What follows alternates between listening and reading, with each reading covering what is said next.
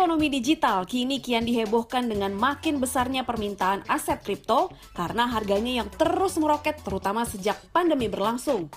Nilai kapitalisasi pasarnya tembus 28 ribu triliun rupiah akibat permintaan besar dari pelaku kalangan industri di dunia. Lonjakan tersebut dipimpin oleh Bitcoin. Awalnya, mata uang kripto dibuat sekedar sebagai mata uang digital untuk bertransaksi virtual. Identitas pembeli dan penjual terjamin kerahasiaannya dalam perlindungan sistem blockchain. Namun belakangan, mata uang kripto ini dipandang sebagai instrumen investasi. Di Indonesia, perdagangan aset kripto telah diakui sebagai komoditi oleh Badan Pengawas Perdagangan Berjangka Komoditi (Bapepti).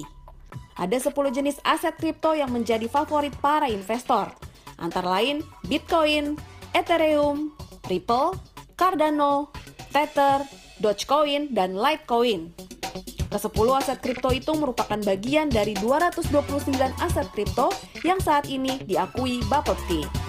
Bisa dibayangkan pada awal bulan Januari itu dengan nilai Bitcoin yang sekarang hampir 800 juta, di awal Januari itu mungkin kira-kira antara uh, eh, 200 juta ya.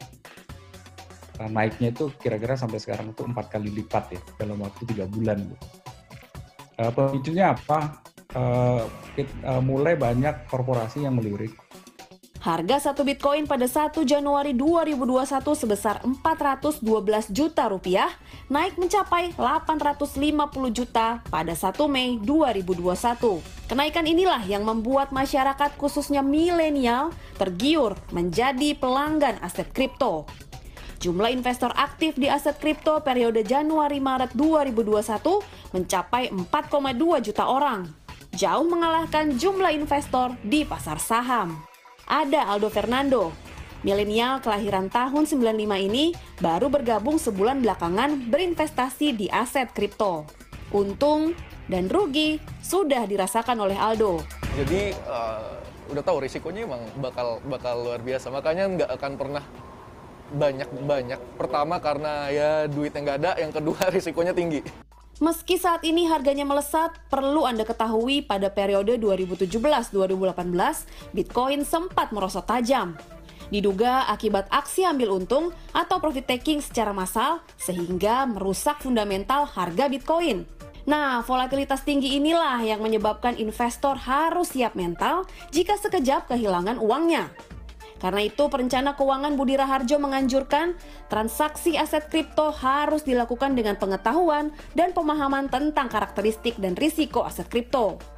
Jangan juga tergiur untuk melakukan pinjaman uang demi menjawab rasa penasaran terhadap produk investasi digital ini. Kita minjem uang kesannya terlihat akan terlihat cerdas gitu ya pakai uang pinjaman uang orang lain. Nanti kalau untung maka kemudian uangnya akan dikembalikan gitu kan. Problemnya adalah ada kemungkinan nggak untung juga. Nah, di saat nggak untung, kita bisa punya kemampuan untuk membayar kembali nggak? Nah, di saat seperti itu, berarti kita udah cenderung udah melakukan uh, apa investasinya di instrumen yang cukup high volatility atau volatilitasnya sangat tinggi.